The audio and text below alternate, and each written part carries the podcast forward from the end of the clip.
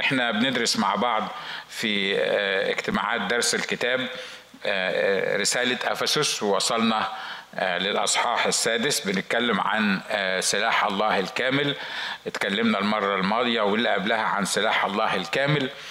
ووصلنا مع بعض لعدد 15 اتكلمنا المرة الماضية وحازين أرجلكم باستعداد. إنجيل السلام الإنجيل البشارة بشارة الرب نكون مستعدين بيها لمجاوبة كل من يسألنا عن سبب الرجاء الذي فينا ونكون مستعدين بالإنجيل. نكون مستعدين بهذه البشارة لأن العالم يحتاج هذه البشارة.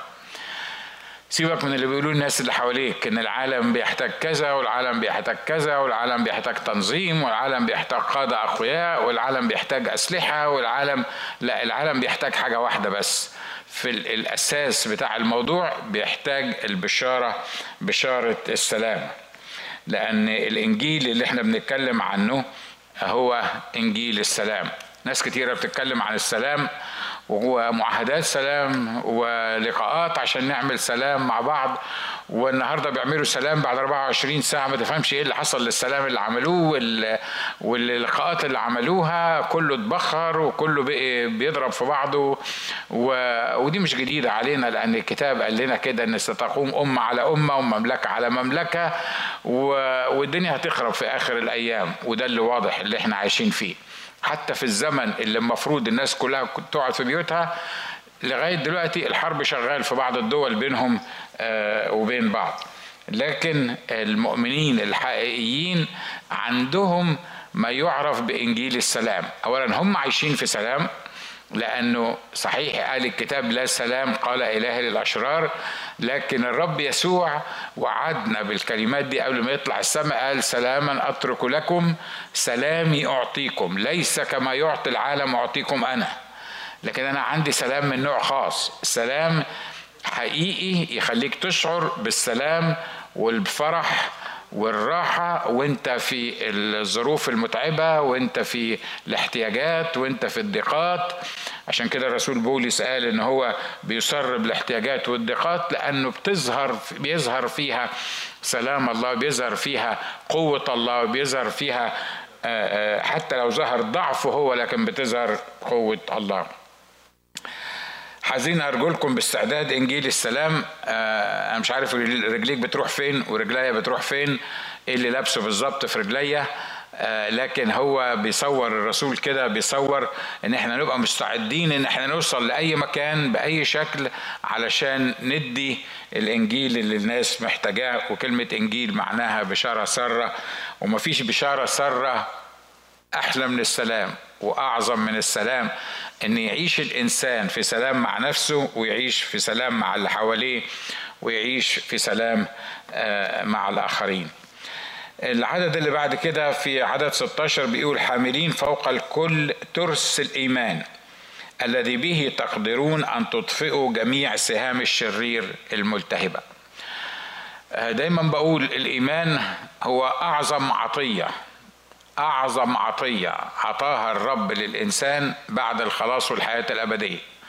لأن الإيمان ما ينفعش يتعطي قبل الخلاص لأنه يعني يعني تخلص الأول في كذا نوع من الإيمان ومش ده الموضوع بتاعنا إحنا مش هنتكلم بالظبط بس على الإيمان النهاردة لكن في كذا نوع من الإيمان. إيمان اللي بنسميه الإيمان الخلاصي اللي هو الإيمان اللي خلصنا بيه وده كلنا متساويين فيه. زي ما قال الرسول بطرس كده قال الذين نالوا معنا ايمانا مساويا لنا. يعني الإيمان الخلاصي اللي أنا عرفت بيه الرب يسوع المسيح مخلص شخصي لحياتي مساوي للإيمان اللي بولس وبطرس والتلاميذ كان عندهم. آه وبعدين آه خليك معايا شوية كده هتعرف لأن أنا عارف إن ممكن حد قاعد قدامي يقول لي يا سلام. يعني الإيمان بتاعك زي إيمان بولس الإيمان بتاعك زي إيمان بطرس اللي كان ظله بيمشي بي بيخفف الناس. فين الإيمان بقى اللي في حياتك اللي زيهم دول؟ أنا بتكلم دلوقتي في أول النقطة دي عن إيمان الخلاص. إيمان الخلاص الإيمان اللي الرب عطاه لنا عشان نخلص بيه من خطايانا ونتخلص بيه من الطبيعة الشريرة اللي موجودة جوانا كلنا متساويين فيه. ليه؟ لأنه ببساطة كلنا كنا ملقين على قريعه الطريق كلنا كنا ميتين. حتى لو كان في ميت غني وميت آه، قوي وميت دمه خفيف وميت آه، عيلته كبيرة وميت جاي من بلد آه، رائعة وميت جنبه مسكين ما كانش عنده فلوس وما كانش عنده عيلة ومتربي في في حتة صعبة إيه اللي يفرق بين الاثنين ما دام الاثنين أموات. فهم الاثنين في النهاية هم أموات. فعشان كده هما الاثنين محتاجين حاجة واحدة بس محتاجين يسمعوا صوت الله وصوت ابن الإنسان والذين يسمعون صوت ابن الإنسان في قلوبهم بيحيوا ودول الميتين الاثنين صحيوا بقيوا آه، آه، أحياء. ده الإيمان اللي هو الإيمان الخلاص. في الإيمان اللي إحنا بنعيشه على الأرض. الإيمان اللي إحنا بنعيش فيه على على الأرض وده إيمان الثقة في شخص الرب يسوع المسيح. لأن زي ما هنعرف في هنتكلم شوية عن رسالة العبرانيين في أصح 11 في الإيمان آه، الحاجات اللي عملوها الناس كلهم دول اللي ذكرهم دول أبطال الإيمان.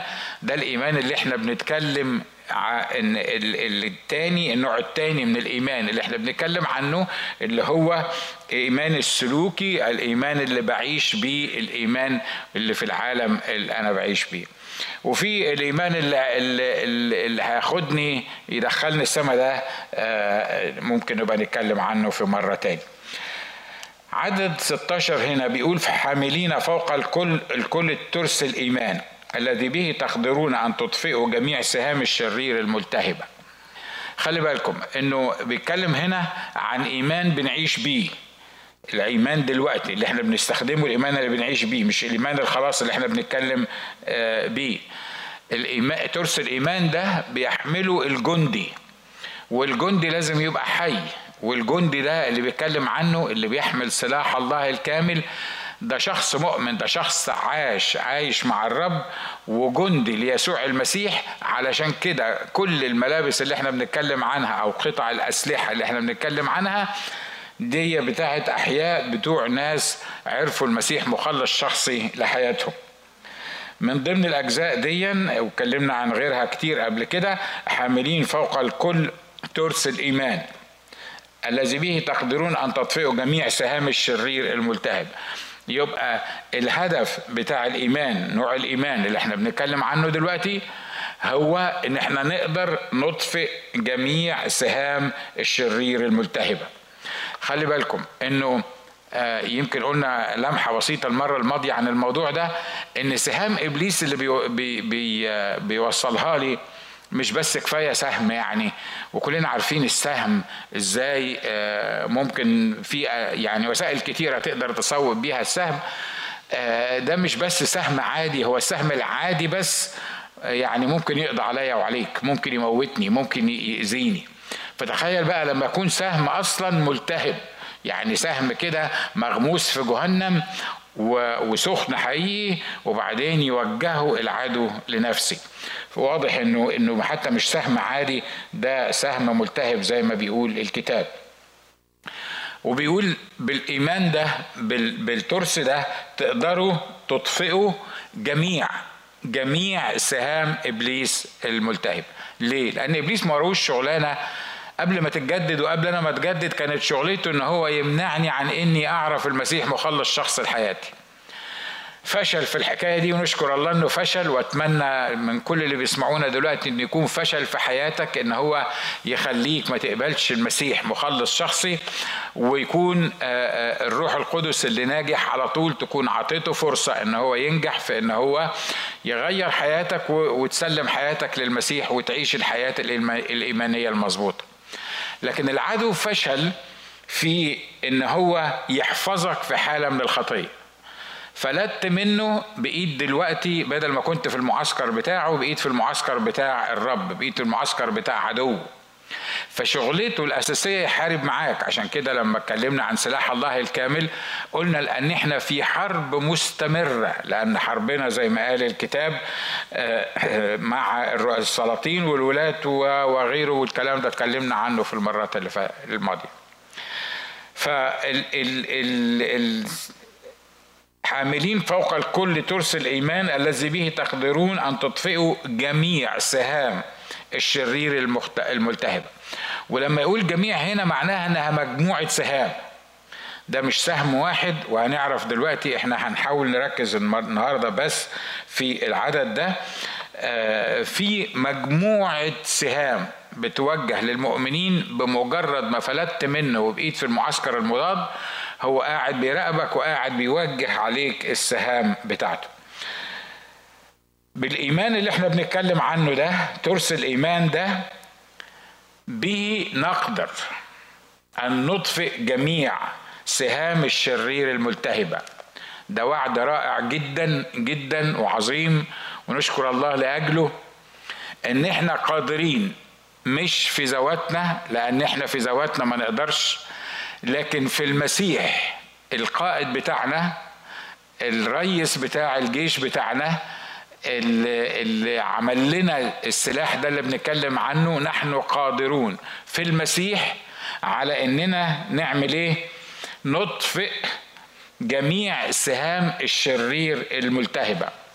خلي بالكم الترس بتاع الإيمان ده ما يقدرش يرجع السهم للعدو مرة تاني. لكن يقدر يعمل إيه؟ يقدر يطفيه. يقدر يخليه ما يوصلش لجسمك. يقدر يخليه ما يوصلش للداخل عندك. فالعدو قاعد مستني يرمي سهام عليك. وانت محتاج القطعة دي اللي اسمه ترس الإيمان علشان تقدر أن تطفئ. مش سهام إبليس جميع سهام الشرير الملتهبة. يبقى زي ما اتفقنا هقول تاني ملخص للعدد ده إنه إحنا قادرين أن نطفئ جميع سهام الشرير الملتهبة. الشرير عنده سهام بيرميها علينا وسهامه ملتهبة. وإحنا قادرين بترس الإيمان ده إن إحنا نطفئ مش سهم ولا اتنين جميع سهام الشرير الملتهبة. يعني الكلام الكلام حلو ونشكر الله من أجله وليه بعد تاني غير اللي إحنا آه، شوية بناخده كده. آه أنا عندي إيمان وبنعمة الله بالإيمان. يعني أنا عايز آه، أنا عارف إن أنا هقدر آه، أنتصر على الموقف اللي أنا موجود فيه. لكن الحقيقة إحنا محتاجين نراجع عشان نعرف إزاي بنستخدم إيماننا. محتاجين نراجع بعض السهام اللي إبليس بيوجهها علينا آه، لأنه مهما قعدنا نشرح كلمة برضه سهام إبليس أو سهام الشرير الملتهبة دي يعني يعني إيه سهام الشرير الملتهبة؟ إيه السهام اللي موجودة عند العدو الشرير اللي بيوجهها علينا؟ لما تروح في في أصحاح 11 من رسالة العبرانيين تلاقي مجموعة سهام اتكلم عنها الكتاب بوضوح. الشرير أو إبليس كان بيرميها على المؤمنين اللي قبلينا منذ أن وجد الآباء لغاية آخر واحد هيعيش في العالم. عشان كده أنا محتاج أفهم السهام ديا اللي بيرميها عليا من عبرانيين 11 وأفهم إزاي أقدر أتغلب عليها.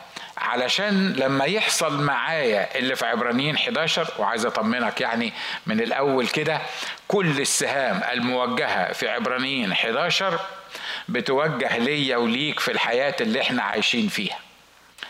فهل فعلا في ناس وجهت ضدهم سهام من الشرير سهام من إبليس وقدروا فعلا يطفئوها؟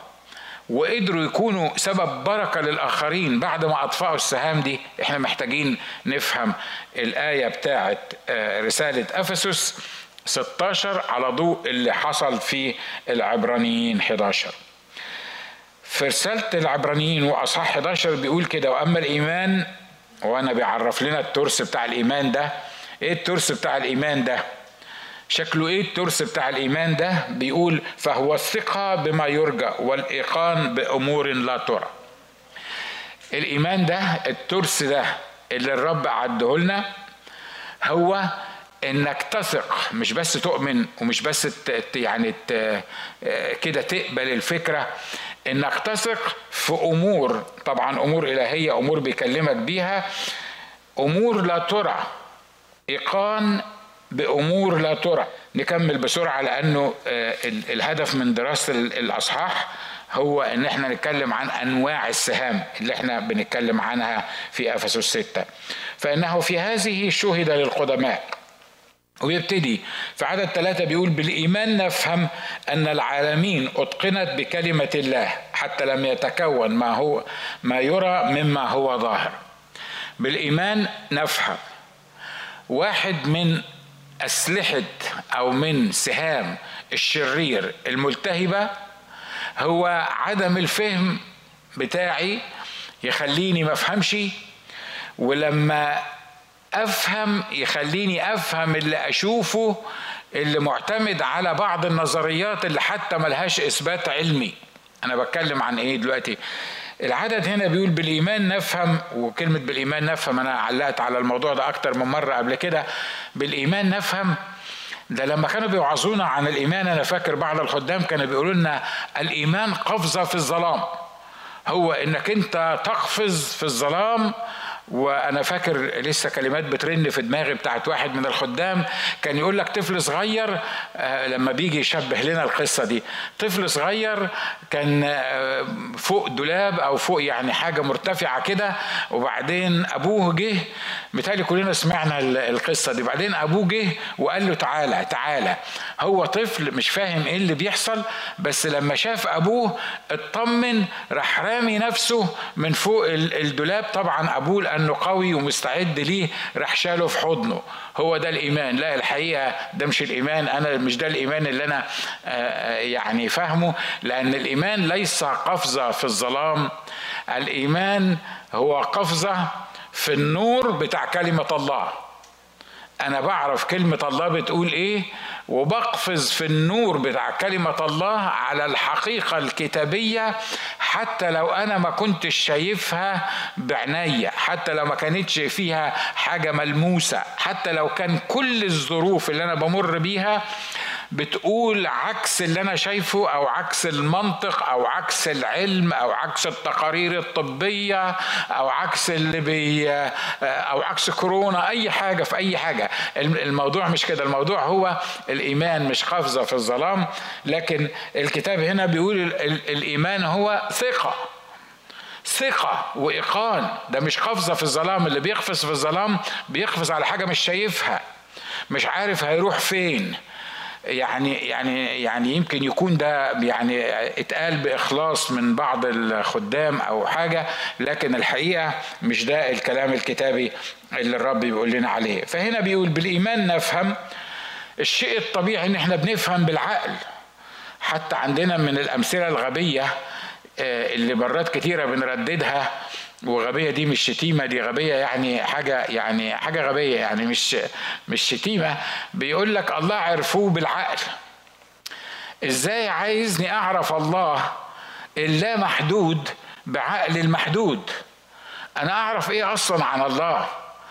أنا الأمور اللي أنا بعرفها عن الله إن ما كانش الإبن الوحيد الذي في حضن الآب اللي جه العالم علشان يخبرني بالأمور الإلهية أنا ما كنتش أعرف حاجة عن الله. ولأن لغاية دلوقتي أبسط مثل لكده كل شعب من الشعوب عنده خلفية معينة عن الله. اللي فاكر إن الله في الفار واللي فاكر إن الله في البقرة في الهند كسروا كورونا والحظر علشان يروحوا يدفنوا بقرة.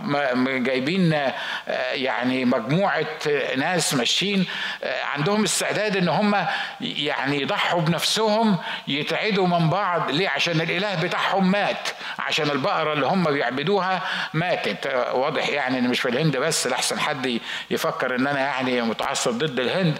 واضح إن كل واحد فينا ليه الإله بتاعه وعشان كده لو إحنا يعني فعلا المثل لو بيقول الله عرفوه بالعقل يبقى مثل صحيح مع الناس دي مع الناس اللي بتعبد البقرة وغيره وغيره وغيره وغيره. لكن إحنا عرفنا الله بالإيمان بال بال بالنعمة بالنعمة أنتم مخلصون بالإيمان. وذلك ليس منكم هو عطية الله. بيقول الكلمات دي بالإيمان نفهم. الإيمان لما لما لما نحب نفهم محتاجين يبقى عندنا فرشة إيمانية محتاج أصدق إن الكتاب ده كلمة الله. حتى لو ما كانش في حياتي ما يثبت كده دلوقتي لكن بمجرد ما أؤمن إن الكتاب هو كلمة الله وأبتدي أتعامل مع الكتاب على أساس إنه كلمة الله فتعامل معاه وأنا متواضع يعني شوية ومش متخيل إن أنا الذي الذي انتهت إلي أواخر الدهور. وأنا اللي عارف ال 12 أصحاح الأولانيين من التكوين حقيقيين ولا مش حقيقيين وآدم شخصية اعتبارية ولا شخصية حقيقية والطوفان حصل فعلا ولا ما حصلش فعلا. الجنك اللي إحنا عايشين فيه وبنسمعه الأيام دي الكتاب بيقول بإيمان نفهم أن العالمين أتقنت بكلمة الله النهارده وأنا بفكر في الحكاية دي قلت هم الجماعة العبرانيين اللي كان بيكتب لهم آه كاتب رسالة العبرانيين هو كان عندهم مشكلة برضه بتاعت ال 12 أصحاح الأولانيين في سفر التكوين ولا إيه؟ هم كانوا آه، عندهم مشكلة في الموضوع كانوا في ديبيت في الموضوع. الله اللي اللي خلق ولا ما خلقش واتخلقت إمتى واليوم كان طوله قد إيه والشخصيات اللي اتكلم عنها شخصيات حقيقية ولا ولا شخصيات اعتبارية. ما هو حاجة من الاتنين. أنا ما كنتش عايش من 2000 سنة الحقيقة لكن حاجة من الاتنين. يا إما من 2000 سنة كان عندهم نفس الدبيت الغبي سامحوني في التعبير نفس الدبيت الغبي اللي إحنا عمالين نتناقش فيه دلوقتي. علشان كده الروح القدس كتب لهم الكلمات دي. يا إما الروح القدس لأنه بيعرف الأخير من الأول كان عارف إن إحنا في الأيام الهنا اللي إحنا بنعيش فيها ديا هيبقى عندنا ديبيت برضه بقول مرة تاني غبي ودي مش شتيمة آه، عن إنه الأصحاحات الأولانية من سفر التكوين آه، أصحاحات حقيقية حصلت حقيقية حرفية ولا ده مجرد يعني إيه آه، أمور رمزية. عشان كده حط لنا العدد ده وبداية الأصحاح كأنه عايز يقول يا جماعة اللي أنا هقوله لكم في الأصحاح ده الروح القدس مش أنا اللي بقول. كأن الروح القدس بيقول يا جماعة اللي أنا هذكره لكم في الأصحاح ده أصحاح 11 ده حاجات ما تتصدقش حاجات ما تتقبلش حاجات ما, ما, ما, ما يعني ما تقدرش تقتنع بيها بمجرد ما تسمعها. فعشان كده انت محتاج لإيه بقى؟ علشان أقدر أكمل لك الإصحاح. علشان أقدر كروح قدس أقدر أشرح لك اللي أنا عايز أقوله في الإصحاح. انت محتاج تبتدي بالإيمان. ولما تبتدي بالإيمان إنك مصدق الكلام اللي أنا هكتبه بعد العددين الأولانيين ثلاثة دول لو انت فعلا مصدق إن دي كلمة الله الحية الفعالة الأمضى من كل سيف ذي حدين الذي لا يعتريها تغيير ولا ظل دوران لأنها كلمة الله لأنه عظمها على كل اسمه زي ما قال الكتاب في الحالة دي إيمانك ده هيخليك تفهم اللي أنا هقوله بعد كده.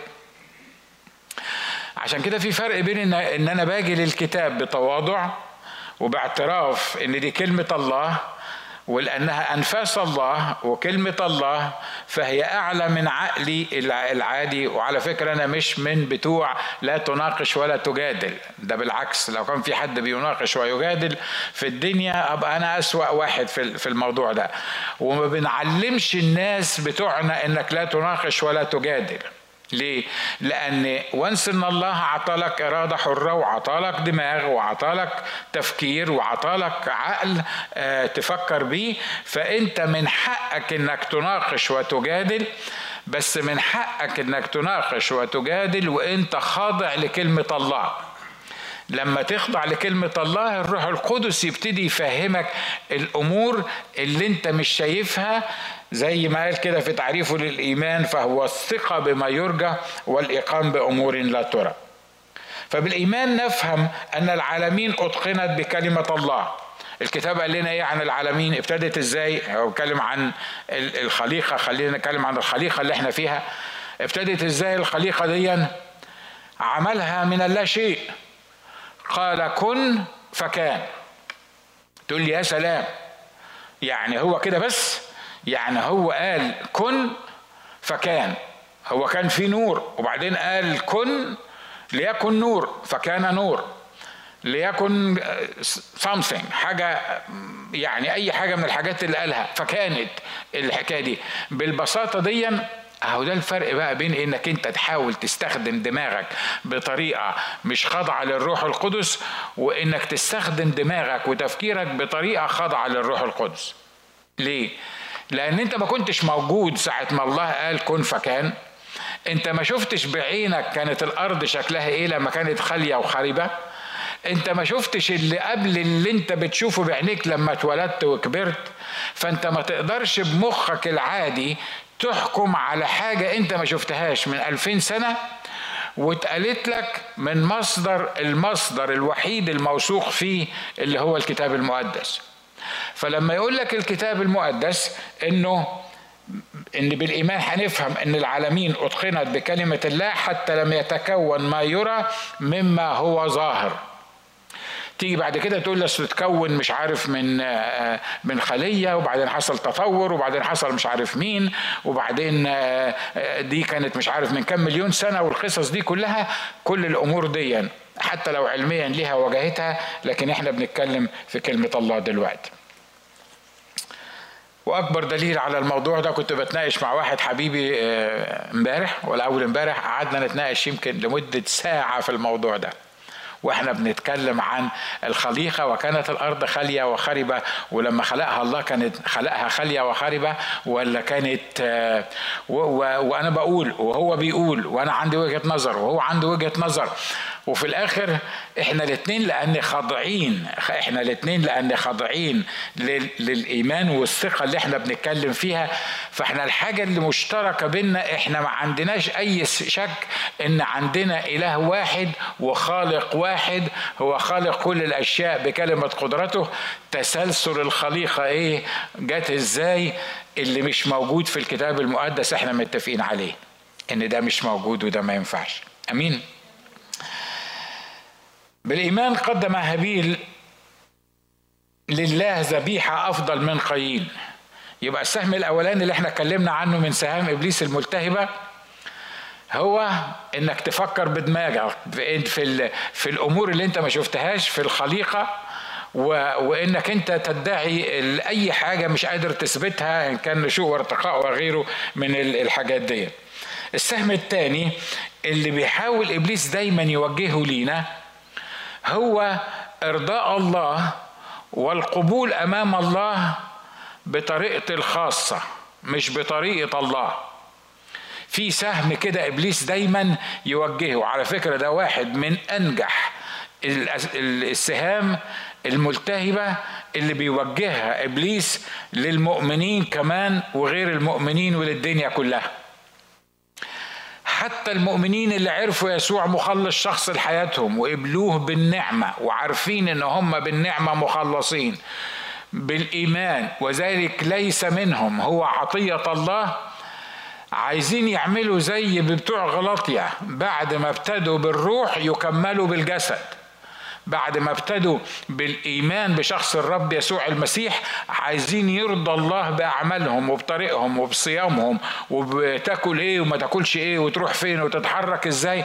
عايزين يرضى الله بدماغهم بالطريقة اللي اللي اللي هم فاكرين إن الله بيرضى. مع إن في منتهى البساطة مارتن لوثر لما كان طالع ال 99 سلم آه، اللي كانوا بيقولوا عليهم دول جات له بس آية واحدة كده. الروح القدس قال له يا ابني بالإيمان البار بالإيمان يعمل إيه؟ بالإيمان يحيى يا يا مارتن أنت اللي طالع أنت على ركبك السلالم دي كلها وعمال تعذب نفسك عشان ترضيني. أنت مش هترضيني لو طلعت حتى عشرة آلاف سلم. أنا مش طالب منك إنك تطلع بطريقة أو بأخرى أو تعمل حاجة معينة عشان ترضيني. أنا ما يرضنيش إلا حاجة واحدة بس إن يكون عندك إيمان وثقة فيا لأن مكتوب بدون إيمان لا يمكن ارضائه في أسهل من الكلمات دي يعني واضحة جدا وبيقول يا جماعة بدون إيمان لا يمكن ارضائه يعني عايز ترضى الله يبقى في منتهى البساطة تصدق اللي بيقول الله وتصدق لما تجيله إنه موجود وأنه يجازي الذين يطلبونه ويتكلموا معاه. بالإيمان أنت محتاج إنك تصدق إن الحل الوحيد لخطية الإنسان هي الذبيحة. بس من العهد القديم من أول آدم لما سقط آدم في في في الجنة وحواء بيقولوا المفسرين آه، عشان الجلد اللي كساهم بيه وحتى لو ربنا ما ذبحش ذبيحة وعمل الجلد طبعا بعض المفسرين بيقولوا كده بس أنا برضو ما كنتش هناك في الجنة فعشان كده ما بفتيش في حاجة ما شفتهاش. لكن واضح إن الله اختار الجلد علشان يكسي بيه الإنسان. والجلد ده واضح إن هو من أكيد من ذبيحة. وواضح إن الله لما ابتدى يعلن عن الطرق اللي الإنسان ممكن يقرب بيها ليه اتكلم عن إيه؟ اتكلم عن مثلا في خيمة الاجتماع واتكلم عن الذبائح وأنواع الذبائح وسفر اللاويين. اقرأ وأنت تعرف حاجات كتيرة من الموضوع ده. فلما يجوا المفسرين يقولوا لنا واضح إن الجلد ده اللي عمله الرب كان من ذبيحة آه، أو ذبيح قدمه هو يعني الكلام ده يفت في الكتاب ويفت في المشوار بتاع الكتاب يفت يعني يعني يتظبط يبقى مظبوط في في الكلام ده. علشان كده إحنا محتاجين هو ده الإيمان اللي إحنا محتاجين نفهمه علشان نقدر نعيش بيه. فواحدة من سهام إبليس الملتهبة سهام الشرير الملتهبة هو مش هيقول لك ما ترضيش الله لكن هيحط لك الطريقة اللي ترضي بيها الله. وهيقنعك إن هي دي الطريقة الصح اللي ترضي بيها الله. ويمكن يقنعك شوية كمان إن دي الطريقة الوحيدة اللي هيرضى بيها الله عنك. طب ما إحنا نرجع للكتاب ونشوف الطريقة اللي, اللي الله بيرضى بيها. الكتاب قال بدون سفك دم لا تحصل مغفرة. يعني إيه بدون سفك دم لا تحصل مغفرة؟ يعني لازم الذبائح لازم ذبيحة سواء كان في العهد القديم عطاهم الذبائح الحيوانية عشان يعملوها اللي هي إشارة لذبيحة المسيح العظيم الوحيد اللي كفت العالم كله واللي مش محتاجين لذبيحة تاني بعديها. فالسيستم كله اللي الرب عمله من ساعة آدم لغاية دلوقتي في العهد الجديد مبني على الذبيحة.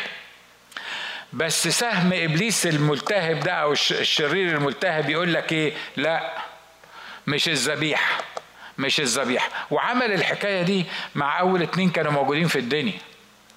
هما الاتنين عايزين يرضوا لا أنا في رأيي قايين كان مخلص. قايين كان مخلص جدا مش كده؟ سيبك من اللي جه في رواية قايين لكن أنا بكلمك عن قايين اللي بتاع الكتاب. لأن اللي جه في رواية قايين قايين ده نصه كلام مش مظبوط حسب الكلام الكتابي. قايين كان عايز يرضى الله قايين قدم ذبيحة قايين كان ممكن يقول لا مش هقدم ذبيحة. انت عايز ذبيحة؟ أنا مش هقدم ذبيحة. مش مش هقدم ذبيحة. قايين مشكلته مش انه ما قدمش ذبيحة. قايين مشكلته انه قدم الذبيحة اللي تعجبه. قدم الذبيحة اللي هو فاكر انها هترضى الله. قدم الذبيحة اللي هي تتمشى مع المنطق الإنساني. وهو ده السهم بتاع الشرير الملتهب. اولا يخليك يقول لك الله عطلك المخ علشان تفكر بيه ترضيه إزاي؟ ده واحد من الأسهم الملتهبة. وبعدين بعد شوية يقول لك أنت بقى فكر بمخك كده. إيه اللي يرضى الله أكتر؟ إنك أنت تزرع وتروي وتحصد وتجمع وبعدين تاخد بقى تنقل حاجة أجدع كلام طلع. يعني مش أي كلام لا خلي بالك لما تدي ربنا تدي ربنا أحسن حاجة. فأنت تروح تنقي بقى من الزرع اللي أنت زرعته ده أفضل جني الأرض أحسن ثمار طلعت لك. ليه؟ لأنه ده ربنا. أو هو اولا لازم هو اللي ياخد. طبعا الكلام ده نصه صح بس النص التاني غلط. لأن الله فعلا ليه أول الأشياء وأحسن الأشياء وأكتر الأشياء. ما فيهاش ما فيهاش عيب لأنه يعني يعني لأن ده الله. مش هو ده الموضوع بتاعنا. لكن الفكرة هو أقنعه إن هو تعب. هابيل ده عمل إيه؟ هابيل ده ما عملش حاجة. هابيل ده دخل نقله خروف من الخرفان اللي موجودة وهي الخرفان هو تعبان في الخرفان. هو بيمشي بيها يمكن يعني لو كان راعي عادي زي ما عملنا معرفش من ألفين سنة كان شكلها إيه. بس واضح إن كانت الأرض يعني مثمرة وكويسة نشكر الله من أجلها. هابيل عمل إيه بيمشي قدام الخرفان ولو كان عنده آلة موسيقية أنا بقولش إن هابيل كان عنده آلة موسيقية لأن ده مش موجود في الكتاب وأنا ما بفتيش. أنا بتخيل الراعي مثلا بيعمل إيه؟ بيمشي بالخرفان بتوعه وبيجي في حتة ضله كده هو يقعد والخرفان عماله تاكل وهو عمال مثلا يلعب مزمار ولا يلعب حاجة من من الحاجات اللي بيعملها. يعني جو كويس برضه مفيش مشاكل. ولما روح بالليل يعدهم ويحطهم وبعد كده تاني يوم الصبح دي شغلانة جميلة دي, دي شغلانة حاجة هنا يعني. أحسن ما تشتغل دكتور صدقني ويرفوك في العيادة اللي أنت موجود فيها. يعني يعني وفي النهاية شغل يعني ما فيش مشاكل. فهابيل ده عمل إيه أصلا يعني؟ يعني هابيل أصلا عمل إيه؟ دخل جاب له خروف وذبحه ونضفه وذبحه. المنطق بيقول إيه؟ مين اللي تعب؟ هابيل ولا قايين؟ المنطق بيقول إن قايين اللي تعب لأنه هو زي ما اتفقنا أنه هو اللي زرع وحصد و... و... وقدم من ثمار الأرض. وهابيل ما تعبش كتير زي قايين. إيه اللي يخلي ربنا بقى يقبل ذبيحة هابيل ويرفض ذبيحة قايين؟ فهمهاني بالمخ. رجعنا تاني. إن إحنا عايزين نفهم الأمور بالعقلية بالسهم الأول اللي هو سهم إيه؟ سهم استخدامي لمخي والمخك بطريقة غلط بطريقتي أنا بالطريقة اللي أنا بفكر فيها. السهم التاني يقول لي أنا هقدم ذبيحة مية مية لله صدقني لما تقدم. كل اللي عندك ولما تقدم نفسك حتى ذبيحة إنجاز التعبير فكل هذا يحتقر احتقارا لأن الطريقة الوحيدة إنك تقترب إلى الله هو الذبيح العظيم شخص الرب يسوع المسيح. مفيش حد تاني غيره. ومفيش بر تاني غير بره. ومفيش طريقة تاني غير طريقته. ومفيش سكة تاني غير سكته. ومفيش كلمة تاني غير كلامه. هو الوحيد اللي يقول يأمر فيطاع لأنه هو الوحيد اللي لما بيقول الكلمة بيقولها النبعة من الله. السهم الثاني زي ما قلنا هو إنك ترضي الله بمزاجك. تقول لي طب والكلام ده؟ ما ده الكلام ده كان أيام آه، هابيل وقايين مش مش الأيام دي. لا صدقوني. أنا مش بتكلم عن أي حد بره المسيحية. أنا بتكلم عن عن عن المسيحيين. بتكلم عن المولودين في المسيحية. كم طريقة عندنا إحنا بنحاول نرضي بيها الله؟ صدقوني حتى إحنا المؤمنين الخدام اللي واقفين على المنابر بنتخيل ان إحنا بنرضى الله بخدمتنا. بنتخيل ان إحنا بنرضى الله بتكريسنا. بنتخيل إن أنا أعمل إيه تاني. ما أنا ما أنا سايب الدنيا كلها وبشتغل قسيس يعني يعني ما أنا ما أنا أهو. ما أنا بعمل كل اللي ده أنا بستحمل الناس وبستحمل الإخوة والأخوات وبروح أزور وبروح أعمل مش عارف مين. أعمل إيه تاني؟ صدقني لو هي دي الطريقة اللي أنت بتقرب بيها من شخص الرب يسوع كل أعمال برنا كخرقة بالية نجسة ما تجيبش تمنها. الحاجة الوحيدة اللي تقرب بيها لشخص الرب يسوع المسيح هو ذبيحة المسيح. وده السهم الثاني اللي بيحاول يوجهه لنا. في عدد خمسة بيقول الكلمات دي. بالإيمان نقل أخنوخ. طبعا أنا مش ماشي الأعداد يعني بالتسلسل عشان أنا بتكلم عن عن حاجات معينة. بالإيمان نقل اخنوخ لكي لا يرى الموت ولم يوجد لأن الله نقله. إذ قبل نقله شهد له بأنه قد أرضى الله. ولكن بدون إيمان لا يمكن إرضاؤه لأنه يجب أن الذي يأتي إلى الله يؤمن بأنه موجود وأنه يجازي الذين يطلبونه. والسؤال ممكن حد يرضى الله؟ ممكن حد يرضي عدالة الله؟ ممكن حد يعمل حاجة زي ما قلنا يرضي بيها الله. متهيألي متهيألي يعني آه، آه، يعني مستحيل واحد يقدر يعمل حاجة من نفسه يرضي بيها الله. يا سلام في منتهى البساطة. زي ما قال الكتاب هنا بيقول بدون إيمان لا يمكن إيه؟ لا يمكن ممكن واحد يسير مع الله كل أيام حياته. إحنا متخيلين يا إخوة اخوات إن السير مع الله دي لو عملت خطية يبقى أنا دلوقتي مش ماشي مع الله. لو أنا زعلت من الله يبقى أنت في حالك وأنا في حالي. أنت تروح في حتة وأنا أروح في حتة. لو أنا مريت بظروف صعبة يعني أنا اللي بحدد آه، وجودي ويعني وبعدي عن الله. مرة تاني كنت بتكلم مع حد برضو بنتناقش سوا في عملية هل تقدر تخرج من المسيحية ولا ما تقدرش؟ يعني لو قبلت إنك أنت تبقى مسيحي حقيقي مولود من الله تقدر تخرج السؤال وهقول السؤال على على جزئين. هل تقدر تخرج من المسيحية ولا لأ؟ أقول لك من المسيحية أنت أصلا خارج اما كنتش تعرف يسوع مخلص شخص لحياتك أنت أصلا مش فيها. أنت أصلا خارج عنها. والمسيحية ما عندهاش قوانين لا قوانين ردة ولا كنت في المسيحية دلوقتي وطلعت ولا عايزين نزود المسيحيين واحد بيك. فعشان كده انت قعدت في المسيحية. ما قعدتش في المسيحية انت ما تفرقش في السيستم أصلا بتاع الديانات لأن المسيحية ما هياش ديانة. طب إحنا هنتكلم عن المؤمنين.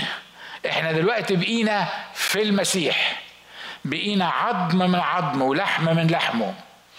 بقينا من أهل بيت الله.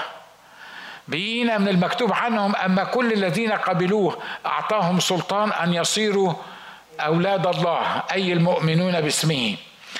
تقدر تخرج من ال system ده ولا ما تقدرش؟ أنا عارف ال debate اللي ممكن بيحصل. إحنا بنتكلم في الموضوع ده بتاع سهام إبليس الملتهبة ديت أو الشرير الملتهبة دي اللي, اللي تقدر تخرج من ال sys- تقدر تخرج من جسد المسيح ولا ما تقدرش. تقدر تسيب جسد المسيح ولا ما تقدرش. عايز أطمنك ما تقدرش. تقول لي لا ربنا بيحترم إرادة الإنسان والإنسان يمكن في أي وقت يخرج ويدخل. لا حبيبي مش هتقدر تخرج وتدخل. ليه؟ لأني لو أنا ولدتك لو أنا وأنا اتكلمت في الموضوع ده قبل كده أنا عندي ولد اسمه تيمي وعندي ولد اسمه أندي.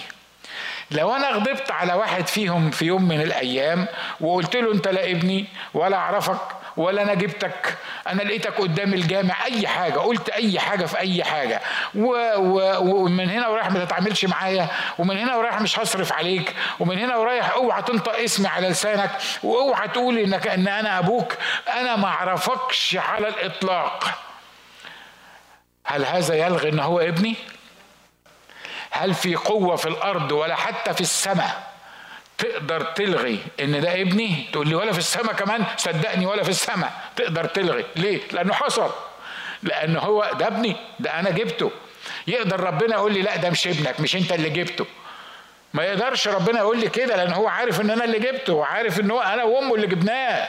ما, ما, ما يقدرش هو ي... ما, ما حدش يقدر يتخلى عن عن ابنه ده. فعشان كده الفكرة هي إيه؟ الفكرة في في السير مع الله دي. الفكرة أنت تقدر تطلع من من عائلة الله؟ لا ما تقدرش. تقول لي يبقى ربنا مش عاطيني حريتي. ربنا يبقى كده مقيد حريتي. ده أنت تبوس رجل وش والظهر إن هو مقيد حريتك لو ده تقييد حرية. دي مش تقييد حرية. دي نعمة غنية مش تقييد حرية. دي نعمة ورحمة منه إن ضمن لك حياتك الأبدية وحطك في عائلة الله وقال لك ما تقدرش تسيبني دلوقتي لأن أنا خليتك لحم من لحمي وعظم من عظمي حتى لو سبتني وبعدت عني ورحت للكورة البعيدة وضيعت كل اللي ليك وكل عمرك هباء فأنت ابني حربيك هأدبك. إن ارتد لا تسر به نفسي وهرجعك تاني للحظيرة دي لأن يا حبيبي لو سبتك تعيش براحتك هتروح جهنم وأنا بحبك لأنك ابني ومش هسمح لك تروح جهنم. قال له واحد كده قال له إيه؟ قال له استعبدني فأتحرر. لما أكون عبد ليك هي دي الحرية الحقيقية اللي أنا أقدر أعيش فيها. فهل هل في حد يقدر يمشي مع الله طول حياته؟ اهو الاخ اخنوخ يجي الابليس يقول لك خلي بالك خلي بالك الكلام اللي بيقوله لك ده سهم كده من السهام يقول لك خلي بالك من من القصة دي انت ما تقدرش تعيش بمزاجك انت يا حبيبي يعني ما تقدرش تعيش مع الله على طول. ليه؟ ما أقدرش اعيش ما بتغلطش ما بتخطئش ما, ما, فيش وقت من الأوقات كنت حاسس إنك مرتد وبعيد عن الله يبقى ما تقدرش تكمل مع الله. ما تقدرش تكمل مع الله. صحيح هو يقنعك بالكلام ده يقول لك أنا عارف إن أنت بالنعمة مخلص بالإيمان. ذلك ليس منك هو عطية الله عطاه لك. بس خلي بالك وأنت ماشي أنت بتقعد بتبعد وتقرب منه بت بت بتسيبه وهو بيتخلى عنك والقصة دي. لا الكتاب بيقول إن اسمه عمانوئيل الذي تفسيره الله معنا اللي بقي زينا علشان يعيش فينا وعشان يضمن حياتنا الأبدية.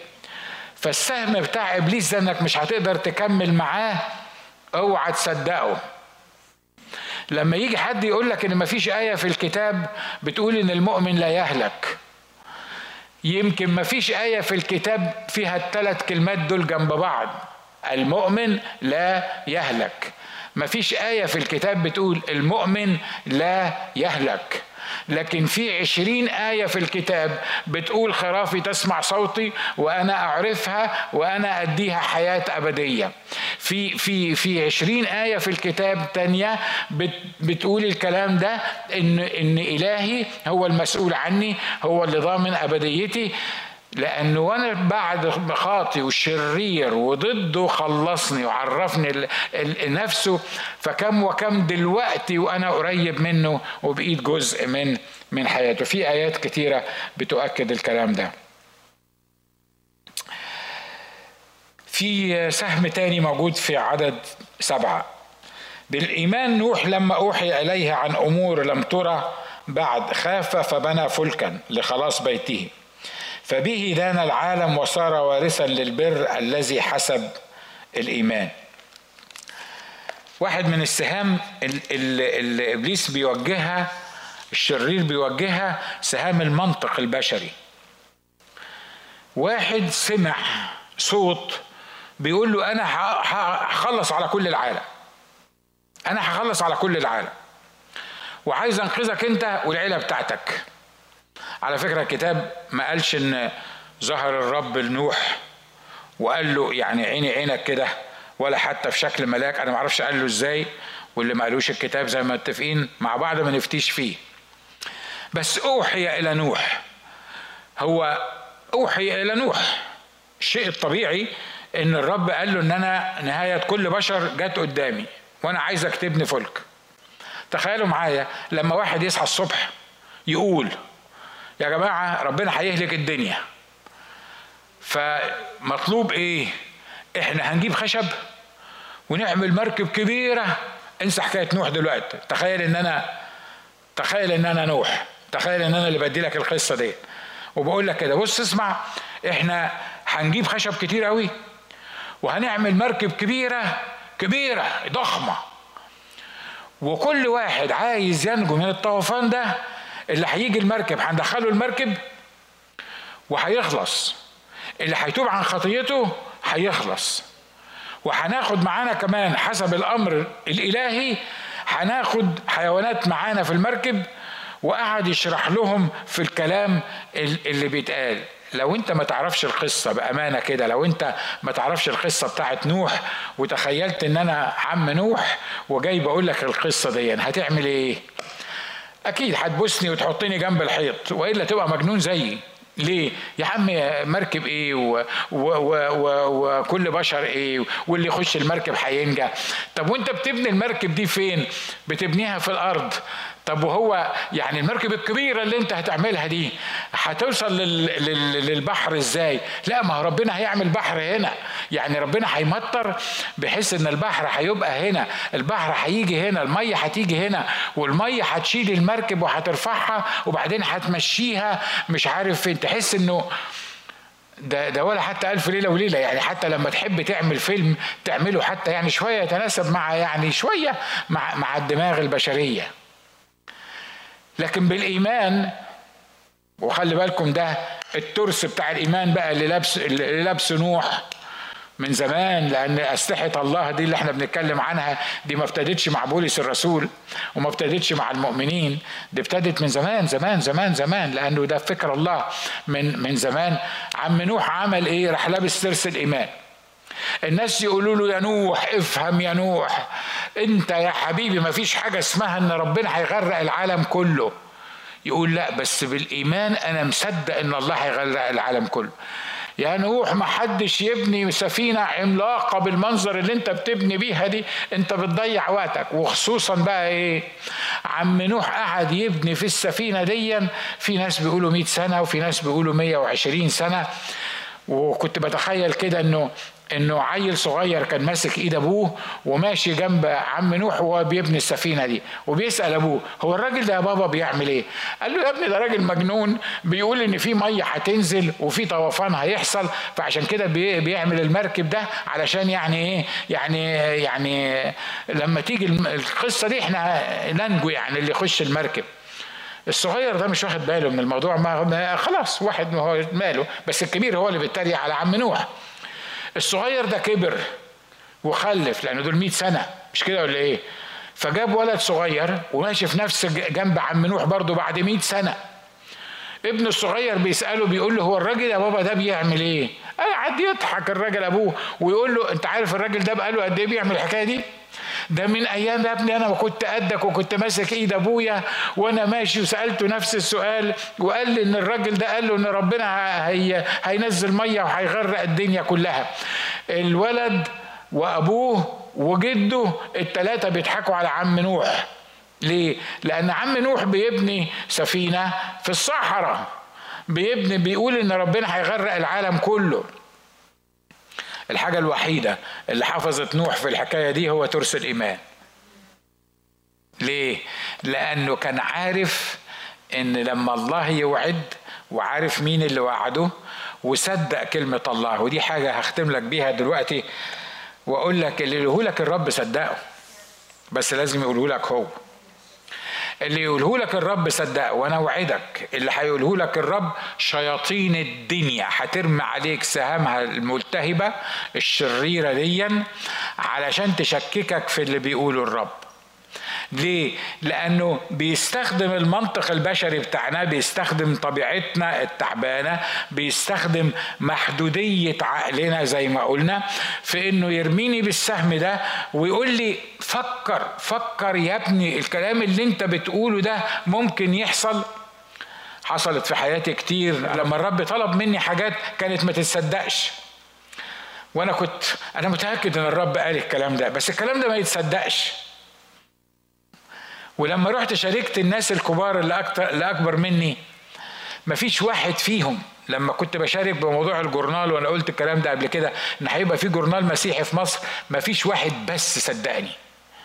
مفيش واحد بس وقف جنبي إلا شاب صغير معرفش قالها لي مجاملة ولا قالها لي إيه كان معانا كان ماشي معايا مرة وبقول له أنا ربنا قال لي هيبقى في جورنال مسيحي في مصر قال لي أنا مصدقك وأنا هساعدك فيه. وأنا عندي خبرة في في الطباعة. وهو على فكرة هو برضه ساعدني فيه وساعد وبيساعدنا لغاية دلوقتي. الوحيد اللي صدقني مرات كتير أقول هو صدقني لأنه عيل صغير كان. وكان يعني أنتوا عارفين إن الصغيرين يعني ممكن يصدقوا أي حاجة مش كده؟ إنما الكبار دول الحكماء الناس اللي بتفكر. واحد يقول لي نعم جورنال مسيحي في مصر. وتقول عليه مسيحي وتكتب فيه رسالة خلاصية وتكتب فيه نقد للي بيحصل في المجتمع سواء الكنسي أو غير الكنسي. لما أقول آه معظمهم عشان بس احتراما ليا يعني هم طبعا ما بيحترمونيش لو ما صدقونيش بس احتراما ليا يعملوا إيه؟ بصوا لي يعملوا كده.